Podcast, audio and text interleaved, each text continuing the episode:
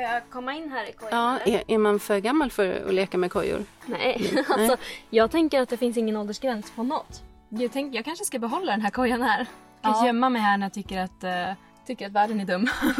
When your life's been put on hold for far too long. When the sorrow and despair is growing strong. There is always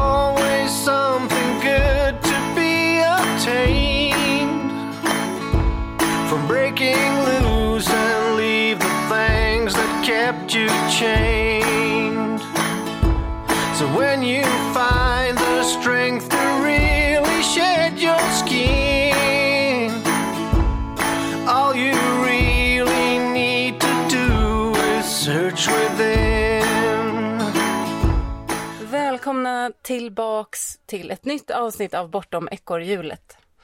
Idag är det jag, Katta, som eh, sänder ifrån en fjällfot strax utanför Sälen. Och idag har jag med mig en, eh, en riktigt härlig gäst som eh, jag faktiskt också har jobbat med de senaste månaderna. Eh, Vi kommer att prata mer om det. Men eh, välkommen till eh, Bortom ekorrhjulet, Louise Forslycke Garbergs. Tack så hemskt mycket. Äntligen. Ja, ja och eh, vem är Louise då kanske ni undrar? Ja, för mig så är hon en beskant... Beskant? en bekantskap skulle jag säga. Sen några år tillbaks. Från den eh, digitala världen kan man väl säga. Och jag eh, har bjudit in Louise för att jag tycker att hon lever ett spännande liv. Hon eh, har, eh, ja vad ska man säga, strävat efter frihet ganska mycket eh, i sina dagar. Så jag tänkte att vi ska prata lite om det idag.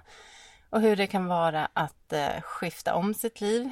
Eh, inte både bara en utan kanske flera gånger. Men om du skulle beskriva dig själv, om vi börjar där, vad skulle du säga då? Jag skulle säga att eh, jag är nyfiken på livet. Om man ska hålla det kort. Jag gillar liksom att upptäcka nya saker.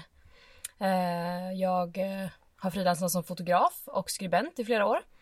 Och har väl liksom försökt eh, i största möjliga mån att få det att gå ihop. Just för att jag vill ha den här friheten och möjligheten att eh, ja, men, eh, bestämma över mitt eget liv. Ehm, jag försöker liksom samla på mig minnen och ha på ålderdomshemmet. Så att eh, det ska vara något kul att tänka tillbaka på. Man hör ju lite på dig att du är född och uppvuxen i, i Stockholmstrakten, kanske? Va? Hörs det? ja, alltså jag, jag är född och uppvuxen i Stockholm. Eh, har mycket släkt ifrån Dalarna, så det är en stor anledning till varför vi är i Dalarna just nu. Sen så har jag bott eh, utomlands lite olika omgångar på lite olika ställen och flyttade för ett gäng år sedan upp till Åre. Eh, och kände liksom att jag hittade mycket närmre hem där än jag någonsin hittat innan. Eh, bodde i Åre i fyra år tror jag det var. Och sen så for jag till Lofoten i somras och eh, nu är vi i Dalarna. Jag gillar att flytta omkring. Ja. Hur känner du med det? Blir, är det bara härligt eller ehm, kan det kännas liksom rotlöst också? Eller hur? Alltså oftast så är det ju härligt till en början. Men sen kan jag känna att det kanske fattas någonting eller att eh, jag tröttnar eller... Ja, och då blir jag liksom ganska... Alltså jag har lätt att bli rastlös.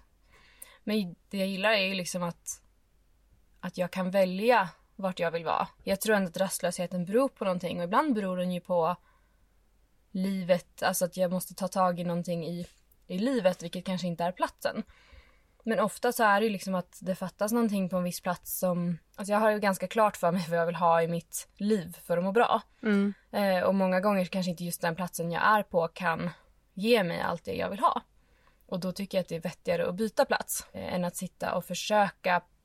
Alltså jag tror inte på att man ska försöka passa in i någon form som man inte passar i utan då är det bättre att byta form. Vad skulle du säga eh, den, den perfekta platsen som du är på jakt efter? Vad, vad ska den innehålla? Alltså jag, just nu känner jag ganska tydligt att jag vill ha en plats där jag kan... Alltså framförallt handlar det om människor. Jag vill ha människor som eh, man får den här härliga viben, man får en härlig energi tillsammans så man kan ha djupa diskussioner men också sjuka garv. Um, så dels är det människor som delar mycket intressen som jag har. Och sen vill jag också kunna göra de här intressena jag har, vilket är liksom ja, men mycket outdoor-grejer. Vilket, alltså, jag älskar att klättra, jag älskar att åka skidor. Jag skulle vilja lära mig cykla i sommar och skulle vilja lära mig surfa. Så alltså, den ultimata platsen skulle ju vara någonstans där jag kan hänga med min hund och mina kompisar och göra de här roliga sakerna men också försörja mig um, som eh, ja, men skribent eller fotograf eller både och. Det är intressant tycker jag för att uh, vi, vi pratar ju i podden ofta om det här med att göra förändringar och vi har, vi har pratat med folk som har lämnat stan och flyttat ut på landsbygden. Från liksom lägenhet till gård. Vi har också pratat med det om, omvända. alltså någon som kanske lämnar landet eh, för ett enklare liv i stan i lägenhet. För det är ju inte lika underhållskrävande. Det finns ju olika sätt. Också det där att eh, från att vara anställd till att bli egenföretagare och vice versa. Det tycker jag är spännande med dig, för du har ju du har gjort lite både och. Nu senast då, så om man tänker som förra sommaren, då bodde du i en van i Lofoten, frilansade, fri som en fågel. Sen valde du att eh, ta anställning där jag jobbar. Mm. Leva kontorsliv och bo i lägenhet ett tag. Eh, hur kom det sig att du liksom fattade det beslutet? Ja, eh, om man börjar med för två år sedan fick jag hjärnskakning. Eh, och den liksom satt kvar väldigt länge. Eller den sitter fortfarande kvar lite grann faktiskt. Och att eh, frilansa och vara fri som en fågel kräver enormt mycket eget driv och motivation och ork. Mm. Um, och i och med att jag inte har kunnat jobba speciellt mycket, framförallt inte vid skärm sista åren, så har liksom, alltså dels har ekonomin börjat gå lite neråt kan vi säga, minst sagt. Och eh, sen har liksom min ork också lite grann, grann falnat. Så jag kände väl lite grann att jag kanske inte riktigt orkar driva på det här hela, hela tiden jag behövde en liten paus. Sen var min tanke med att ta ett fast jobb kanske... Alltså jag ser inte mig själv jobba på som anställd någon längre tid, alltså några år. Men jag tänker mig att jag ska gå tillbaka till frilansandet. Men just att kunna få lite tid att hämta andan och få lite tid att bygga upp ekonomi, att bygga upp ork, få in bra rutiner. För alltså, och hela tiden vara hemma själv utan andra fasta punkter. Det gör ju att man lätt tappar rutiner och tappar lite driv och så. Det blir lätt att jag, ja men på Lofoten så var jag ju mest utomhus och hade, jag hade super super kul. Men eh, vi sov ju nästan aldrig för det var midnattssol och vi hängde mycket i gäng allihopa där och till slut så satt man och insåg att så, gud vi, vi går och lägger oss fem på morgonen. Alltså, mm. och så blir det ganska lätt när man, jag ska inte säga när man har det för nice för det går inte att ha men men när man inte har någonting fast. Så jag kände för att få, få liksom läka ihop hjärnan ordentligt så kände jag att jag ville behövde ja, men lite fasta rutiner, lite trygghet, alltså för att få bort det här stressmolnet jag tror att de flesta frilansare alltid har över sig. Eh, och för att kunna läka ihop så kände jag att vettigt att ta ett jobb. Mm. Och sen så kanske det var lite också en chans, en slump för att eh, ja men du Katta så delade det här på Facebook och då såg jag det och tyckte att det här lät som ett superkul jobb som skulle passa mig perfekt. Så jag tror inte att jag kanske hade gått och sökt ett jobb aktivt. Eller jag vet det för jag var på väg till Sri Lanka och blev yogainstruktör. då så, vilket jag just nu är ganska glad att jag inte, inte gjorde. Ja, då hade det ju kanske varit fast där på obestämd framtid. Mm, i lockdown. Det hade inte varit jättekul Nej. tror jag. Nej men jag tycker det är intressant det där, för jag, jag har ju också känt samma sak. Ehm, det är mycket som är fantastiskt med att vara egen, jobba hemifrån, eh, ha lite ströuppdrag och men eh, jag saknade ju också det där med dels eh, känslan att man hela tiden måste vara sin egen motor, driva på. Det kan vara ganska uttröttande. och det är inte alla dagar som man är liksom i toppform för det. Men också det här med att eh, kunna sakna kollegor och ha lite rutiner och faktiskt eh, få jobba tillsammans med andra mot ett mål och skapa grejer tillsammans och bli fira tillsammans och gnälla tillsammans eller Nej men så att det, jag kunde också sakna det. Jag kan tänka mig att det, det är nog ganska nyttigt att, att växla mellan det där, att varva. För att jag tror allting blir väl lite trist vardag kanske i slutändan. Att, och att man gynnas av en eh, variation. Mm. Men eh, hur var det för dig då? För jag vet ju hur jag hade det när jag eh, ställde om från det där tokfria livet till eh, en heltidstjänst. Oh, Gud. hur har det varit för dig? Um, men det har varit väldigt skönt att kunna bolla med dig för att uh, det har uh, helt ärligt känts som att jag har hamnat i fängelse. Ett väldigt kul fängelse med härliga kollegor och kul arbetsuppgifter. Men det är ju väldigt chockartat att eh, så stor del av ens tid ägnas på en plats där jag inte ens kan vara lika effektiv som jag är i mitt hem. Eller så här, för mig är det här med kontor väldigt konstigt liksom. Men eh, så att det har varit en eh, väldigt stor omställning och att eh, flytta till Idre har ju också varit en väldigt stor omställning. Det är väldigt annorlunda att bo i Idre jämfört med ja, men till exempel Åre. Men jag är van vid att lära känna väldigt mycket folk fort och jag är van vid att det liksom är, ja men man kan lätt gå ut och ta en fika om det är något så eller liksom ut hit och dit och Samtidigt så har det varit skönt och jag känner liksom att jag har hittat mycket bättre rutiner. Um, jag känner att jag har fått tillbaka mycket ork. Även om jag varit trött efter arbetsdagar på jobbet så känner jag liksom, men bara nu efter en helg här i fjällstugan så är jag mycket piggare. Och har mycket mer motivation eh, och känner liksom att jag har fått tillbaka lite självförtroende för att jag har liksom, ja men jag har jobbat fulla arbetsdagar och det har gått bra. Mycket, alltså jag är väldigt tacksam för det också för att det känns som att jag har fått tillbaka mycket av det jag kände att jag hade saknat. Eh, och kanske också fått lite extra pepp och hitta en form av arbete framöver som gör att, alltså om det är så är anställd eller frilans, men att jag kanske vill kunna, ja, men vill kunna jobba på distans mera och välja mer över min tid. Sen är jag ju, jag älskar att jobba, jag tycker det är superkul att jobba så att jag vill ju, jag vill ju jobba mycket. Men kanske när jag själv vill. Jag vill bara flika in där för många tror ju så att man kan sitta och jobba när lusten faller på. Så inte så liksom, man kommer alltid ha stunder när man känner att usch jag vill inte jobba nu men göra det ändå liksom. Mm. Men att man kanske kan säga att jag jobbar tre timmar på förmiddagen och sen sticker jag ut tre, fyra timmar på mitt på dagen och sen så jobbar jag mera timmar fram på kvällen liksom. Mm. Ja precis, det här med att vara ute och fånga, fånga dagen. Mm. Carpe diem. ja. Vad har liksom varit svårast i, i att ställa om då? Eller så här, vilka tips skulle du ge någon som kanske funderar på samma sak? Um, alltså i början av det här jobbet så var jag super, super noga med att bara prioritera jobbet. Um, alltså jag gick och la mig nio på kvällen och jag förberedde min frukost och jag var liksom jag gick hem, jag tog någon lugn promenad med min hund, jag kanske skidade men jag gjorde ingenting annat. Eh, och det tror jag var väldigt bra för att liksom orka komma in i det framförallt. Alltså om man har haft någon utbrändhet eller hjärnskakning eller vad det nu råkar vara.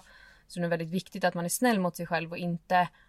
Alltså jag, jag, jag älskar att åka skidor men jag åkte nästan inga skidor alls första veckorna för att jag ville bara liksom hitta återhämtning och hitta vila.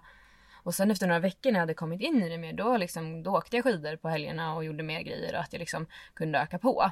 Men för mig var det väldigt viktigt att få den här starten när jag liksom inte hade några andra krav på mig själv. Mm. Eh, att man är snäll mot sig själv och ändå är medveten om att det är en stor omställning. Jag gjorde väl ungefär samma sak då fast ett år tidigare.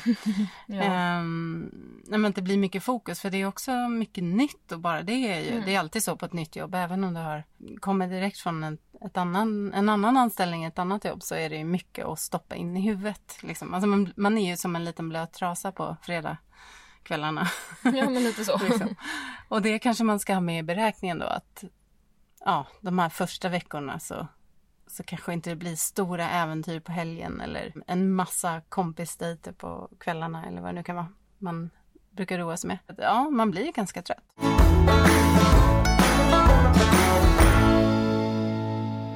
Du nämnde ju att vi sitter i en eh, fjällstuga här nu som tillhör din familj. Det blev lite knasigt här eh, kan man ja. väl säga.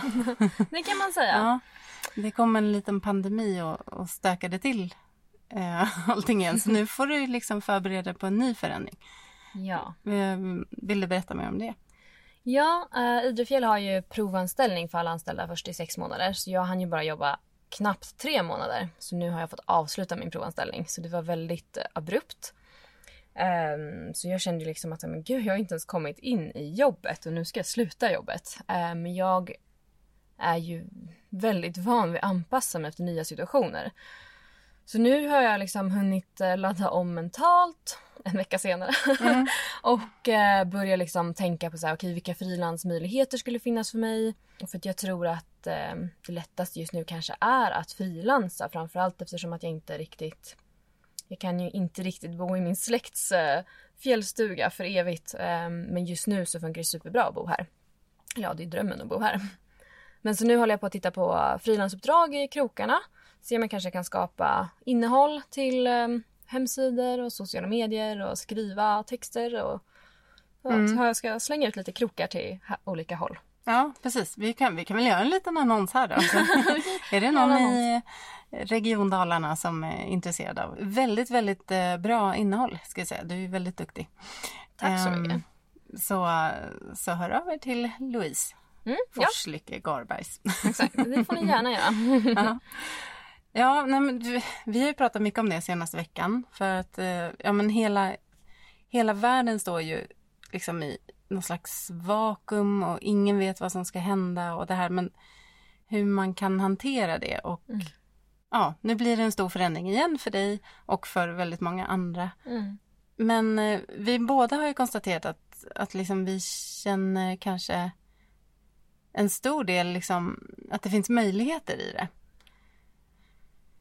Och det är ja. intressant det där. Eller, eh, för det är klart att det, det är jobbigt när saker bara kastas om och planer går i stöpet och sådär. Men, men hur ser du på, alltså hur brukar du funka i sådana situationer? Alltså jag har väldigt svårt för eller jag ska säga tvärtom, jag har väldigt lätt för att se möjligheter. Jag har lätt för att börja tänka i kreativa banor och se, jag är väldigt känslostyrd så jag går mycket på känslan eh, och jag vill ha den här härliga känsliga, peppiga känslan av att man liksom man vaknar på morgonen och är supertaggad. Um, så jag ser väl det här som en möjlighet liksom att designa om mitt liv liksom att säga okej okay, nu har jag testat um, fast anställning här och det kändes på det här sättet. Och jag har också testat frilans här och det kändes på det här sättet. Så att jag försöker liksom se möjligheterna i att och få en paus och få liksom tänka om att vad vill jag och vad mår jag bra av och vad har jag möjlighet att göra eh, liksom i den situationen jag är nu. Bara ladda om batterierna och faktiskt ge sig själv lite tid och bara landa i, i den här förändringen är nog också viktigt. Jag kan tänka att um Alltså dels att man behöver ju ge sig själv lite tid att bearbeta och analysera kanske så här. Okej, okay, vad mm. var det som kändes bra? Mm. Vad kändes dåligt? Mm. Men att man kan plocka plocka de där elementen från olika eh, platser, om man ska mm. säga, och ska, sätta ihop någonting nytt. Ja, och jag tror jättemycket på att dokumentera det, att man faktiskt skriver ner så här bra saker, lista, dåliga saker, lista. Um, och att man försöker tänka efter, eller för min del, jag måste tänka efter ganska noga liksom att så här, men för jag har lätt att tänka så okej okay, vart vill jag vara? Men det kanske inte är så viktigt vart jag vill vara, det kanske är mer viktigt vad jag vill ha i mitt liv. Och sen kanske det finns flera platser som, eh, som liksom säger det här har vi, det här passar dig. Um, så jag tror att det är viktigt att verkligen också skriva ner allt vad man kommer fram till. Mm, så man kommer ihåg det även i framtiden. Finns det ett perfekt liv då? Oj, svår fråga. Jag tror att man kan ha ett perfekt liv i stunden. Sen tror jag att det är mycket som ändras och sen tror jag att som vissa saker är nog jättekul ett tag. Men det kanske inte är kul jämt. Så jag tror kanske inte att man kan hitta... Jag tror att människan och världen är konstant föränderlig. Så jag tror inte att man kan hitta liksom att nu vill jag ha det så här och så tror man att det ska vara för evigt. Och det försöker jag tänka, alltså försöker påminna mig det i alla situationer. Att liksom, det här är superhemskt nu eller det här är superbra nu men det här, kommer, det här är liksom en begränsad period. Alltså så när jag var på Lofoten i somras så hade jag ju liksom the time of my life typ. Nej, men det var ju superhärligt. Eh, men jag försökte ändå påminna mig själv om det om att liksom njut nu för att det här kommer inte vara för att människorna där kommer åka därifrån och jag kommer åka därifrån eller liksom det kommer ju ändras liksom. Och, och det tycker jag är ganska skönt att tänka både i bra och dåliga situationer. Att man kan vakna på morgonen och tänka eller ja, jag är rätt morgontrött så jag tänker snarare på kvällen. är jag nöjd med min dag liksom? Vad ska jag göra imorgon? Är det något som känns som en bra sak att göra imorgon? Ja, nej eller kanske liksom. Uh, så, nej, jag tror inte man kan hitta ett permanent perfekt liv. Men jag tror att om man är lyhörd för vad som kan komma till en och vad man själv ger ut om, man, om det är så, mm. någonting, så tror jag mm. att man kan ha jag tror man kan ha ett perfekt liv i det stora om man liksom är lyhörd och föränderlig. Alltså det kanske är att man behöver anpassa sin situation ganska ofta. Och sen kommer det såklart vara dagar som är väldigt långt ifrån perfekta. Men att eh, det är de dagarna man lär sig väldigt mycket också. För jag, jag håller med om det där med flexibilitet. Att det verkligen gäller att vara adaptiv och, och liksom kunna anpassa sig nu. För att mm. det är ju kanske inte så att vi kommer tillbaks till det normala som var normalt innan utan det är ett helt nytt normalt. Då behöver man ju vara liksom redo för att, eh, att utforska det också och hitta sin plats i det där nya normala. Mm. Det, tror jag är en viktig egenskap. Liksom. Men tror du, för det känns som du, du är väldigt flexibel. Du har bott i en van och du har bott i ett härbre och nu ska du bo i en fjällstuga ett tag. hur, eh, hur funkar du eh, liksom där? Är du bra på att anpassa förväntningar eller hur, ehm, ja, hur kommer det sig? Alltså jag tror jag gillar den här känslan när man känner sig levande. När man är närvarande i nuet och känner riktigt starkt åt alla håll. Men jag gillar liksom att även om jag känner lugn så vill jag känna lugnet starkt och tydligt. Jag vill inte ha en massa som stör hjärnan att eh, liksom, man är hjärntrött och det poppar på på sociala medier och hej och hå, liksom, utan att jag vill vara med i stunden. Och det är därför jag gillar att bo på lite udda ställen kanske man kan säga. Alltså, jag vet inte om ni, ni som har tältat um, i lite svåra förhållanden. Alltså då handlar så mycket om alltså överlevnad kanske är lite extremt men i princip så känns det ju som att det handlar om överlevnad. Man måste se till att hålla sig varm. Man basbehov. måste hålla sig, ja, basbehov liksom. Mm. Man måste hålla sig varm, man måste hålla sig torr och mätt. Um, och man måste kämpa lite för att sova gott. Eh, och då har man liksom inte plats för de här oj oj oj jag måste tvätta på torsdag eller vad man nu råkar tänka. Alltså då man lever verkligen i nuet och den känslan tycker jag är fantastisk. Eh, det, är liksom, det, det, gör att man blir så närvarande och därför, ja men jag har som sagt bott på jag bodde i ett tält halva förra sommaren och sen bodde jag i en van och jag bodde i ett härbre och liksom pluggat vildmarksguide och var ute och tältade väldigt mycket. Och jag älskar det. Men eh, jag har ju svårare, nu har jag ju bott i en lägenhet som jag inte riktigt trivs i. Eh, och det har jag jättesvårt för. För då... Eh, ja men det är, det är dammigt i hörnen och det är lite smutsigt i badrummet och det är lite onajs och det är ingen utsikt och det är... Ja, vad, tror, vad är skillnaden då? För jag tänker mig att så här, en van eller eh, ett tält kan ju också vara smutsigt i hörnen. Ja. liksom, vad, vad är skillnaden just med en lägenhet och... Jag tror jag vet faktiskt inte. Jag har tänkt mycket på det också. För jag tycker liksom att i teorin borde jag ju kunna trivas precis lika bra i en lägenhet. Men jag tror att det mycket handlar om närheten till naturen. Mm. Uh, det är väl säkert något sånt här ursprungligt i oss. Um, ja, både tältet och vanen kan du ju flytta till en plats. Ja, exakt. Där du liksom. vill vara. Ja. Men just jag tror att det är så här, man, man öppnar dörren och så är man i naturen. Och så hittar jag något lugn i det. Så jag tror att det betyder mycket. Är det att man vänjer sig vid olika nivåer? Eller så, det är inte så att du känner nu efter att ha bott i lägenhet skulle det kännas konstigt att inte ha rinnande vatten till exempel? Ja, alltså det är väl mer när jag har bott... Alltså när jag körde från Lofoten så hade jag sällskap i, eh, av en vän som körde, han körde sin van. Och sen så kom en tredje vän. Uh, så att vi var tre stycken som hängde i en lägenhet hemma hos min stackars pappa. Så vi var tre stycken i en lägenhet och Eh, vi hade ju både värme och varmvatten och sista, vi åkte från Lofoten i oktober. Och det var riktigt kallt sista dagarna på Lofoten. Vi duschade allihopa på, på en lodge.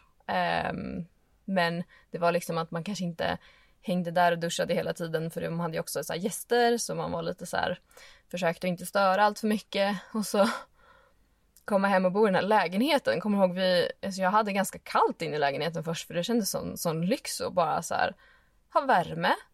Och vi hade riktigt jäkla städat där för att det kändes så himla lätt att diska. Alltså för det fanns ju rinnande vatten. Och vi hade ju haft middagar liksom och käkat tacos på, på Lofoten i någons van och sen så var det så här Alltså man diskar ju med en papperstrasa Mm. liksom. Alltså så här, det är inte så att man diskar under rinnande vatten eller ens upphällt vatten för den delen.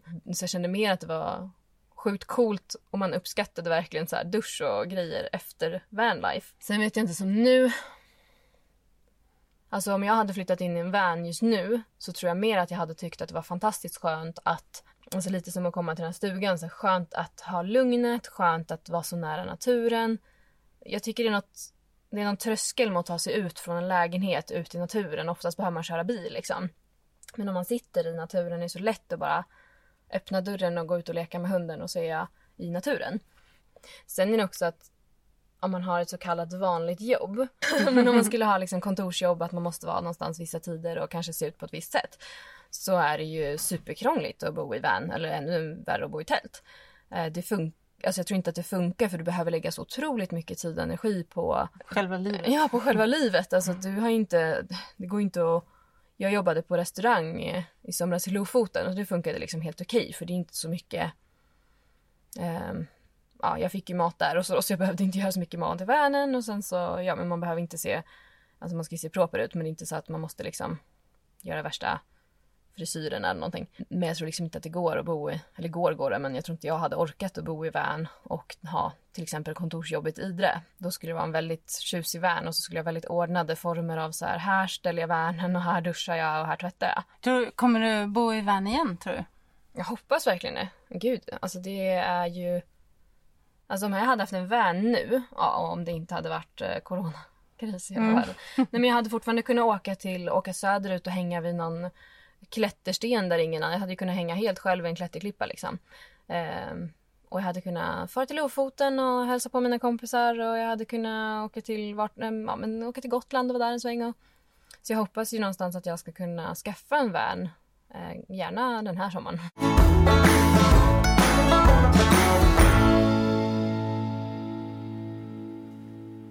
Vi tar en liten paus i samtalet och går ut i fjällstormen. Det är nämligen så att eh, Louise, det här kanske inte många vet om henne, men eh, hennes farmors syster, om jag har det rätt, är eh, en, eller var en av eh, Sveriges bästa kulerskor, säger man så? Jag vet faktiskt inte men det lät väl rimligt. Ska vi hit... Det heter ju köla på Transtrandsmål. Och det Aha. är ju Transtrandsmål de pratade så. Hon var en av Sveriges bästa kölare. Köl, Kölare. kölar. Det är... vi, vi säger kulerskor just Ja, nu. Och kulning är då, det är ju lockrop som användes eh, Man, förr i tiden. man alltså kallade hem korna och fåren och getterna och allt vad man nu hade med Ja. lockrop. Och vi befinner oss just nu på Fäbovallen där eh, sagda farmors syster ingen brukade kula hem sina... Kula hem sina kor tror jag främst hon hade. Fjällkor antar jag. Ja, vi, tänkte, vi ska få höra ett litet smakprov här på. Eh, för Louise eh, kan ju också kula. Mm. Så vad passar väl eh, bättre än att eh, riva av en eh, kulningskonsert här på Fäbovallen i Östfjället?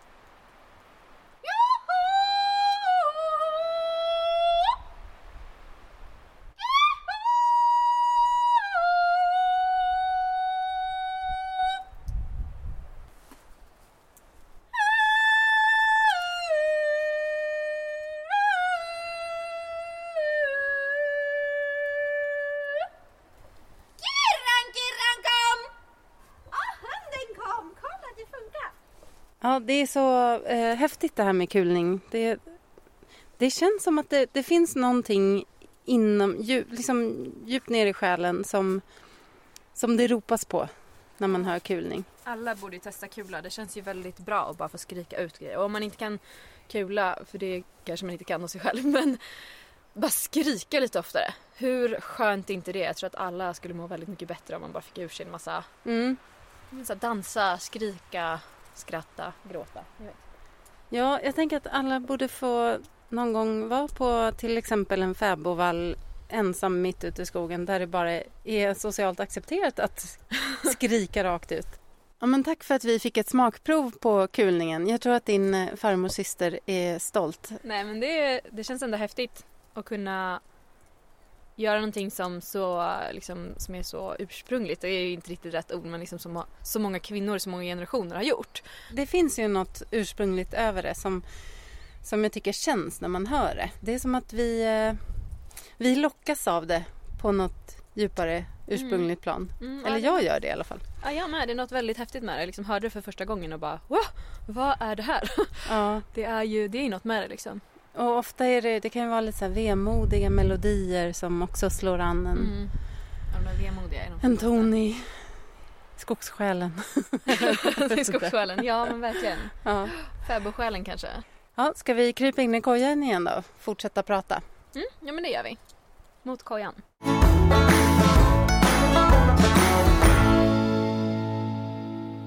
Vad tänker du framåt nu då? Ja, det är en bra fråga. Jag försöker ju liksom tänka ut så här, okej vart vill jag vara nu? För det känns så himla... Jag känner väl inte riktigt att jag vet vart jag vill vara. Eh, samtidigt så tänker jag också att det kanske får lösa sig. Så jag försöker... Ja, för här, jag tror att många av våra lyssnare liksom är, är mycket i en fas eller har varit eller är på väg in. Just det där att ta reda på vad man vill och så här, vilken stig är det jag ska liksom mm, ska hoppa man in på vandra? här. Hur tänker du kring det? Liksom, har du några... Ja, men jag tänker återigen att man inte ska fokusera så mycket på, på vart eller hur, eller liksom, utan att det är mer vad, vad vill jag ha i mitt liv? Vad vill jag ägna dagen åt? Eh, vilka vill jag ha i mitt liv? Eller vilken sorts personer vill jag ha i mitt liv? Och jag tror också lite på att eh, universum kommer lösa det. Det kanske låter flummigt men jag tror ju någonstans tror kanske inte på att det är universum, men jag tror att vi kommer liksom skicka ut signaler utifrån vad vi vill och hoppas på som gör att eh, andra människor kommer skicka tillbaka saker till oss. Eh, och då tror jag lite grann att är man öppen för möjligheter så kommer de säkert komma i en eller annan form. Alltså det kanske låter flummigt men alltså till exempel nu så har jag tänkt sen jag slog i huvudet på att så här, men det vore rätt bra att ha fast anställning ett tag. Och jag funderade lite på om jag skulle pluggat eller liksom så bara för att få lite, ja men faktiskt lite ekonomisk trygghet. Och sen så la du ut det här och den hade ju inte jag snappat upp om inte jag redan hade tänkt i mitt huvud att det skulle nog vara bra att göra det här ett tag. Och så har jag gjort liksom en inventering och så här, okej vad har jag för skills? Vad är jag bra på? Och där tips att ta hjälp av fantastiska vänner som till exempel dig Katta. Ehm, men att man kan veta att jag behöver ungefär det här i mitt liv och jag har de här egenskaperna och de här liksom, behoven. Och utifrån det så kan man ju vara öppen för att vad som kommer. Sen måste man ju aktivt jobba lite också på att saker ska komma. Man kan ju inte bara sitta hemma utan man måste liksom skicka ut lite blänkare eller säljmejl eller vad det råkar vara. Men, eh, men jag tror ju som sagt mer på att så här, ja men okej, stolpa ner så här, men okej, jag vill vara vill jag vara fastanställd eller vill jag frilansa? Eller, och det kanske inte ens är det som är det viktiga. Men om det är det så kanske man säger så här, okej, jag vill, ehm, jag vill frilansa. Okej, och jag vill frilansa inom det här. Eh, och sen så tänker man så här, jag har de här hobbysarna och jag har de här behoven i mitt liv. Och så försöker man tänka så här, okej, vart kan det här finnas? Eh, alltså göra en ganska rationell, eh, konkret lista liksom. Och så, och så men, till exempel om jag säger skidåkning, för många känner det liksom skidåkare och jag själv gillar att åka skidor. Om man älskar det, ja men då kanske man inte ska bo året runt på Gotland för då är det svårt att åka skidor på vintern på Gotland. Jag och min brorsa vi hade tänkt sticka ut och surfa. Då gjorde vi också så här, okej, vi vill surfa. Då har man ju i princip hela världen att välja på. Och så får man bryta ner det till så här, nej men vi vill surfa varmt vatten. Och så bara, okej, okay, vi är nybörjare på att surfa. Ja men och då har man, och så helt plötsligt har man liksom smalnat ner det här till fem olika ställen som ska vara riktigt bra. Och sen kanske också är så här, men vi, vi vill ha det lite billigt för vi har inte så mycket pengar. Ja men då, då är helt plötsligt två tillställen borta. Och sen så kanske det bara handlar om så här, kolla vilka möjligheter som finns där. Kan man få jobb på, på alla tre? Men testa sök jobb på alla tre. Men det, det kanske inte går och så visar det sig att ja, man kanske har tre eller fem alternativ och så söker man jobb på de tre eller fem ställena och sen så får man jobb på något då kan man fara dit. Det tror jag är mycket bättre än att tänka att okej, jag vill hit. Och sen så får man inte riktigt de Mm. bitarna man behöver där. Ja, det är lite som vi har pratat om förut i podden också, att, ehm, att mer eh, identifiera liksom elementen eh, och känslan man är ute efter. Jag pratade med en vän häromdagen om just det för hon var så gud jag vill ha ett hus, jag måste ha ett hus. Och jag sa, men vad är det i att, liksom, vad är det i det här huset som ska göra att det känns bättre? Och liksom att tänka på så här, okej, är det själva ägandet av huset som gör att det känns bättre? Och det kanske är, men i så fall varför? För ju, ju tydligare man är på liksom varför vill jag det här, desto, desto större sannolikhet är det att man hittar det. Um. Tror du att du har vant dig vid mycket frihet och att det skulle göra det svårare för dig att rota dig? Eller tror du att du skulle kunna liksom landa på en plats lite längre också? Har du tänkt någonting på det? Ja, jag har tänkt massor på det, men jag bara i fyra år är jättelång tid Katta. Mm. Eh, nej men alltså jag har, som jag minns det, alltid varit väldigt mycket så här. Jag har ju fantiserat om att resa och upptäcka världen i hela mitt liv. eh, så länge jag kan minnas. Jag hade ju häst hela liksom högstadie och gymnasietiden så jag höll mig väl upptagen liksom. Eh, men sen ganska direkt efter att jag tog studenten så for jag utomlands. Så jag liksom även direkt efter en väldigt rotad tillvaro liksom bo hemma och gå i gymnasiet och liksom jobba extra och ha häst och allt vad man nu gjorde. Ehm, så åkte jag till Österrike och bodde där. Eh, och sen så har jag liksom jag har i princip alltid strävat efter att åka iväg och jag älskar äventyr, jag vill upptäcka nya saker. Sen kan jag väl känna att det vore skönt att ha en bas. Eh, mycket av praktiska skäl. Liksom, att jag är trött på att flytta runt alla mina grejer. Jag är trött på att flytta kartonger. Jag är trött på att inte ha någon brevlåda. Kaos med alla, vart kommer alla räkningar ens en gång liksom. För att, eh, och sen så tänker jag rent ekonomiskt vore det smart att ha någonting man kunde hyra ut medan man reser. Jag har svårt att tänka mig att jag skulle jag vet inte om jag egentligen har så svårt. Jag tänker att jag vill, jag vill ha en bas som är på en riktigt nice plats liksom. Men sen tänker jag att jag, jag antagligen kommer fortsätta fara iväg och liksom och nu har jag ju vänner på ganska utspridda håll så även om eh, alltså vart jag än hittar en bas så vill jag ju fortfarande åka och hälsa på familj och vänner och liksom och jag, jag tycker inte det är så kul Alltså det här att åka på en weekend någonstans och turista, det är så här. Jag tycker det är härligt att vara på en plats liksom flera månader och lära känna platsen och människorna och liksom ja, men verkligen se något lite mer på djupet. Mm. Eh, Upptäcka en ny vardag. Mm, exakt. Eh, och liksom kanske gärna jobba där på något eller annat sätt. Eller jag vill ha ett större syfte. Alltså jag gillar ju att dokumentera och berätta stories eh, med foto och text. Så liksom drömmen skulle vara att ha en, en bas någonstans som uppfyllde liksom ja, men de här behoven av intressen och människor liksom. Men sen kunna resa runt och typ dokumentera. Det hade ju varit fantastiskt. Så både ja och nej är väl svaret. Ja, jag pratar med mycket med en gemensam väldigt bra vän till oss. jag vet vem eh, du menar. Som har varit gäst några gånger i den här podden, Sara. Mm. Ja, men just det där, så här, går det att hitta en plats liksom, som har allt? Och bara, nej, men har man liksom landat i att man får nog ha lite olika platser. Mm. Och det kanske lite gäller allt i livet. Att, eh, Just det att man kan behöva röra sig för att uppfylla alla sina behov. Och särskilt eftersom de förändras över tiden. Det mesta kanske blir lite långtråkigt. Alltså nyhetens behag är ju ändå ett begrepp av en anledning. Mm. Det är ju kul med nya grejer. Mm. Eh, tycker jag i alla fall.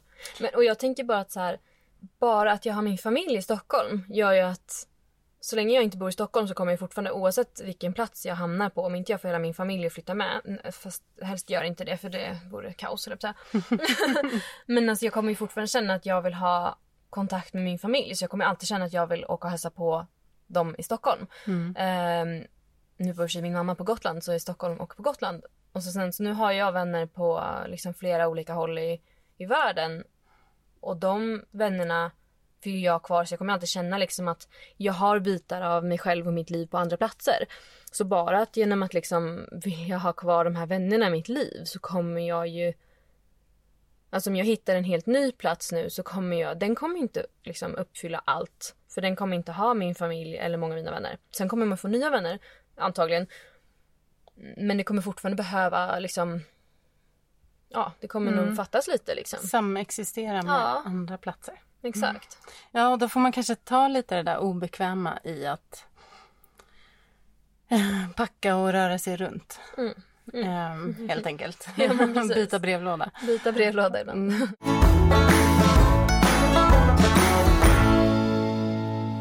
Och vi pratade om det här, du och jag, när vi eh, låg och chillade här i varsin eh, soffa. Vilket är väldigt härligt för övrigt att göra. Det, eh, det här, du frågar mig så här, vad är ditt eh, bästa minne? Du hade fått en bra fråga på Tinder faktiskt. Det, Ja. det var en väldigt rolig fråga. Ovanligt. Ja. Men vad skulle du säga? För vi började ju tänka tillbaks på våra bästa minnen då. Eh, Men vad skulle du säga att vad är det det ger dig? Alltså dina bästa minnen, vad, vad har de gjort med dig? Det här var en ännu bättre fråga. Jag kanske också ska börja ställa frågor på Tinder. Nej, jag tror det. Tinderfrågor. jag tror att de här minnena gör... Alltså jag tror ju att ens minnen och att ens liksom historia gör ju att man är den man är. Eh, och jag tänker att det handlar mycket om saker som bygger självförtroende. Saker som skapar relationer och som, ja, men som gör att man lite hittar den man är. Minnen liksom som har dels är det enkla fina saker men också kanske ganska stora saker och det är saker som som gör att, att man liksom mejslar fram, den man är och jag tror att man är väl aldrig klar med det. Så det kommer ju vara ett ongoing project tills man dör. Och jag tror att de här minnena, att kunna tänka tillbaka på dem i liksom svåra stunder eller ledsamma stunder eller när man kanske glömt bort lite grann att Ja men man kan känna, eller jag vet inte, jag kan få dippar ibland i alla fall där jag tänker att så här, nej men jag kan inget och jag gör aldrig något roligt och sådana tankar som jag ändå tror att de flesta har. Och då att kunna ta fram de här minnena, om det är liksom att man tittar på bilder eller bara kommer ihåg det eller hur man än minns det eller bild, ja, vad heter det, gamla sådana här analoga foton. Mm. um, men det gör nog liksom att man blir lite påmind och det kan och jag tycker också det är lätt om man tittar på de här minnena, vilka minnen har gjort att jag känns på ett sätt som jag gillar att känna. De kan ju också styra riktningen framöver. När vi börjar prata, sen är det liksom det är lätt att man bara kommer ihåg vissa saker men när du började prata om andra saker så fick jag nya minnen och bara åh men det här, det var ju superhärligt och det här var härligt och och även liksom spännande eller utmanande eller kanske till och med jobbigt men men det gör ju också att jag att jag har lättare att tänka framåt att okej men de här sakerna var helt fantastiska, jag vill ha mer av det. Ja, jag kände också att jag så här, vaknade till Mm. liv lite när jag började tänka på den frågan. Så här, just den där stunden. Mm. Och varför är det ett så härligt minne? För det, är inte, det behöver inte alltid vara den där, ja, jag stod på en bergstopp Peru. Liksom, Det utan, också ganska nice dock. ja, ja, men alltså just det där att eh, Mm. det inte alltid är Övra berg utan det kan vara små, kan komma ihåg så här, just när jag gick på den där ängen i sommardimman och liksom, Ja, precis. ja, en känsla av bara total närvaro som också Ja. kan vara ett superfint minne. Men jag tyckte det var så kul att prata med dig om det för det är så lätt att man hamnar i, i sina egna spår och tankar och så, så hör man liksom någon annans favoritminne. Alltså du pratade om det här att du liksom hade varit i Sydney och det lät superhärligt och då började jag komma ihåg liksom hur jag kände mig när jag bodde i Paris liksom och, och det kanske inte är något jag hade tänkt på rent spontant men det är fortfarande så här ja, men kul att bolla också som du säger. Okej, varför var det så härligt? För att jag kände så här. Och, och man, ja men väldigt liksom, spännande, pirrig känsla och liksom kunna tänka så här, okej, men tänk vad att känna så där igen. Och hur skulle det liksom, vart skulle jag kunna känna så eller hur skulle det kunna kännas så? Det är en kul middagsgrej. Ja, det är väldigt härligt. Särskilt i, i tider när det är mycket fokus på oro och Mm. Korvid. Louise har döpt om den här sjukdomen. Mhm. Corvid heter det nu. Vad skulle du vilja skicka med alla Louise, om, eh, om du skulle mm, liksom få skicka med några goda råd till lyssnare som eh, tampas lite med vad de ska göra och kanske också står i en, i en förändring nu och som mer eller mindre ofrivillig. Ehm, vad skulle du vilja säga till dem då? Jag skulle vilja säga se möjligheter och ta chansen. Och oftast så går det liksom att gå tillbaka till där man var. Alltså det här med att man kanske inte behöver sälja lägenheten och sälja bilen och säga upp sig. Man kanske kan börja med att hyra ut lägenheten, ställa av bilen och ta tjänsteledigt eller ta semester. Att man kan ju börja med att testa på livet lite småskaligt. Det behöver inte vara så himla antingen eller. Men att våga testa ta den chansen för att om man inte testar så vet man inte. Och alltså jag, jag tänker ju så här, alltså det värsta som skulle kunna hända mig, nej det finns mycket värre saker men när jag blir gammal och ligger på ålderdomshem, om jag nu gör det, och inte kan hitta på något kul, då vill jag kunna tänka tillbaka på mitt liv och liksom le över alla roliga moments jag har haft. Jag vill kunna tänka att gud vad kul att jag testade det där eller liksom jag vill inte sitta och tänka på, undra vad som hade hänt om jag hade vågat åka dit eller om jag hade vågat testa det där jobbet eller om jag hade vågat fråga ut den där killen på vad det nu råkar vara. Alltså, jag, jag vill liksom kunna tänka tillbaka på spännande stories som jag har gjort. Så våga testa är väl lite det jag vill säga. Stort tack till eh, dig Louise för att du ville vara med och dela med dig av eh, ja, men, eh, ditt, ditt härliga inställning till livet. Jag tycker den är inspirerande. Tack så mycket. Väldigt, väldigt fint att jag fick vara med. Kul att prata med dig, som alltid. Ja, fast vi sitter i en syrefattig koja här. Ja, ska vi åka lite skidor? Ja, vi kanske ska åka lite skidor nu. Det stormar utanför, fast det är soligt väder. Så att, eh, jag tror att det, det skulle kunna bli en härlig Perfekt Skidtur. för att känna att man lever. Mm.